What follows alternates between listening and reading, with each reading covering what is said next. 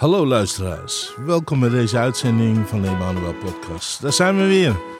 Door middel van deze podcast willen wij praktische geloofslessen aan jou meegeven die je in het dagelijks leven goed kunt gebruiken.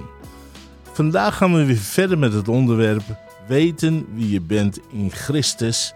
En het hoofdthema is je bent persoonlijk door God uitgekozen. Als er iets is waarover de boze ons in verwarring wil brengen, dan is het wel onze identiteit. Als je niet echt weet wie je bent in Christus, dan ben je kwetsbaar voor minderwaardigheidsgevoelens, schuldgevoelens en angsten.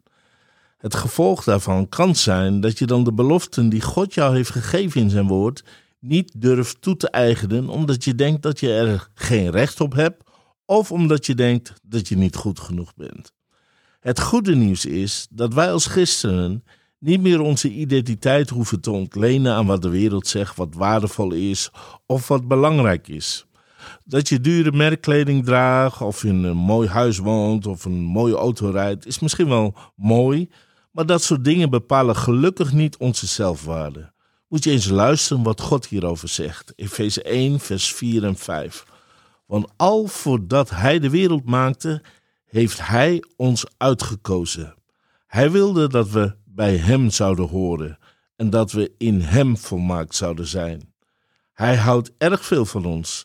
Daarom wilde Hij dat we door Jezus Christus zijn kinderen zouden worden.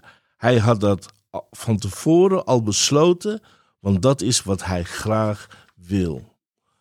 Als er iets is wat ons zekerheid biedt, is dat we mogen weten dat God ons al had uitgekozen voordat Hij de wereld maakte.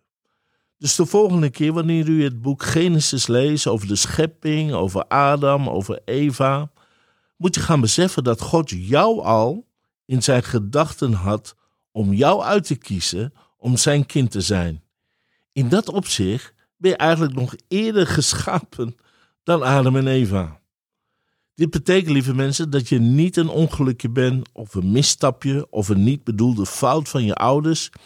Je bestond al in het hart van de Almachtige voordat Hij alles schiep. Laat niemand je dus wijsmaken dat je niet deugt of niet meetelt. En al helemaal niet omdat je toevallig niet dezelfde merkkleding draagt. Hun minachting voor jou is alleen maar een bewijs van een oppervlakkige wereldse waardesysteem die men aanhangt. Wanneer je gaat ontdekken dat je niet een last-minute product bent van de Heer, maar juist crème de la crème bent van zijn immens grote ontwerp, dan ga je niet alleen anders naar jezelf kijken, maar ook naar God die jou geschapen heeft. Je bent uitgekozen door God voor God zelf. Malachi 3, vers 17 zegt dat je Gods eigendom bent. We zijn dus niet slechts medewerkers in het koninkrijk van God of een lid van een kerk. We zijn zijn schat, zijn treasure. Ja, je hoort het goed. God beschouwt jou als een kostbare schat. Je was misschien wel een arme zondaar gered door gedaan, maar nu, omdat je in Christus bent, ben je geen arme zondaar meer. Je bent nu een rijke kind, zoon of dochter van de Allerhoogste. Weet je nog, toen je een, klein, eh, een klein kind was, hoe bijzonder het was als je uitgekozen werd om mee te doen met een team van winnaars? Of dat je uitgekozen werd om een speciale prijs te ontvangen? Wel, van God zijn we niet alleen maar Oscar-waardig, als ik het zo kon zeggen.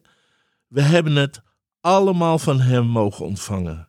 Geen wonder dat de Bijbel zegt dat zelfs de engelen een blik begeerden te slaan in het heil die wij van hem hebben mogen ontvangen. Johannes 15, vers 16 zegt: Niet gij hebt mij, maar ik heb u uitgekozen en u aangewezen. Vaak denken wij dat wij het licht hebben gezien en Jezus hebben gevonden. Maar de waarheid is in feite omgekeerd. Hij heeft ons uitgekozen omdat zijn oog op ons was. Het maakt niet uit, lieve mensen, hoe wij over onszelf denken. Het maakt eigenlijk ook niet uit of we onszelf aantrekkelijk vinden of niet. Hoe je draait of keert, hij heeft ons uitgekozen, uitgekozen omdat hij wel in ons gelooft. En ook al doen we dat zelf niet eens. Hij gelooft in ons omdat hij ons geschapen heeft met een bepaald doel. die wij alleen in ons leven kunnen vervullen. Niemand anders kan de wedloop lopen die voor jou ligt dan jij alleen. Die wedloop is op maat gemaakt. Hier kwam goddelijke maatwerk bij te pas. Dus wij kunnen stoppen om onszelf of onze bediening te vergelijken met die van een ander. Wij kunnen stoppen om anderen na te doen.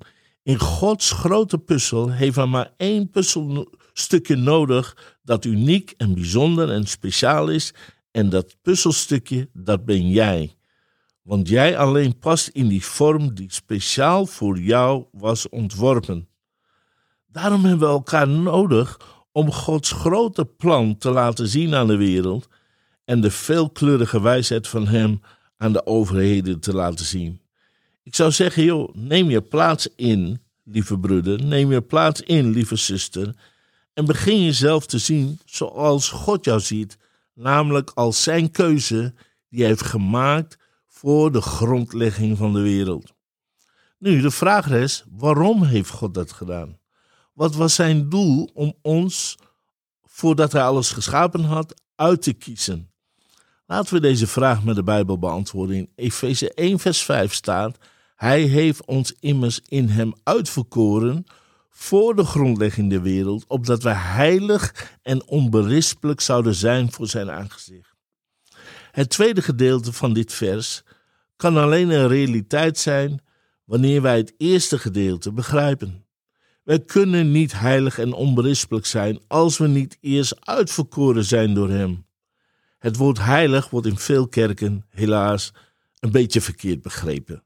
Het wordt gezien als een soort gedragscode van wat men wel of niet mag doen.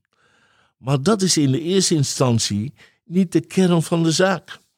Toen Mozes de opdracht kreeg om de tabernakel te bouwen met allerlei meubelstukken en gereedschappen, werden die allemaal eerst geheiligd. U moet begrijpen dat het in de eerste instantie gewone meubelstukken waren, gewone dingen.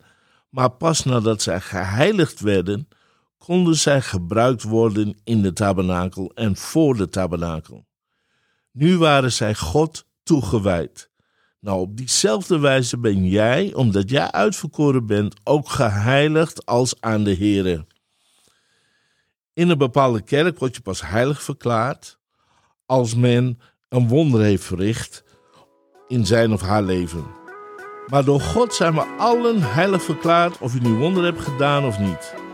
Je bent nu de Here toegewijd, apart gezet, om het doel waarom Hij jou geschapen heeft te vervullen. Dat is toch geweldig, lieve mensen. Dus je hoeft niet meer jezelf schijnheilig te voelen. Je bent heilig omdat God jou uitverkoren heeft om heilig te zijn. Oké, we zijn weer aan het einde gekomen van deze les en ik hoop dat je opgebouwd bent en dat je over dit soort dingen verder zult nadenken, nadenken en mediteren. Maar voor nu wens ik jou heel veel zegen en tot de volgende keer.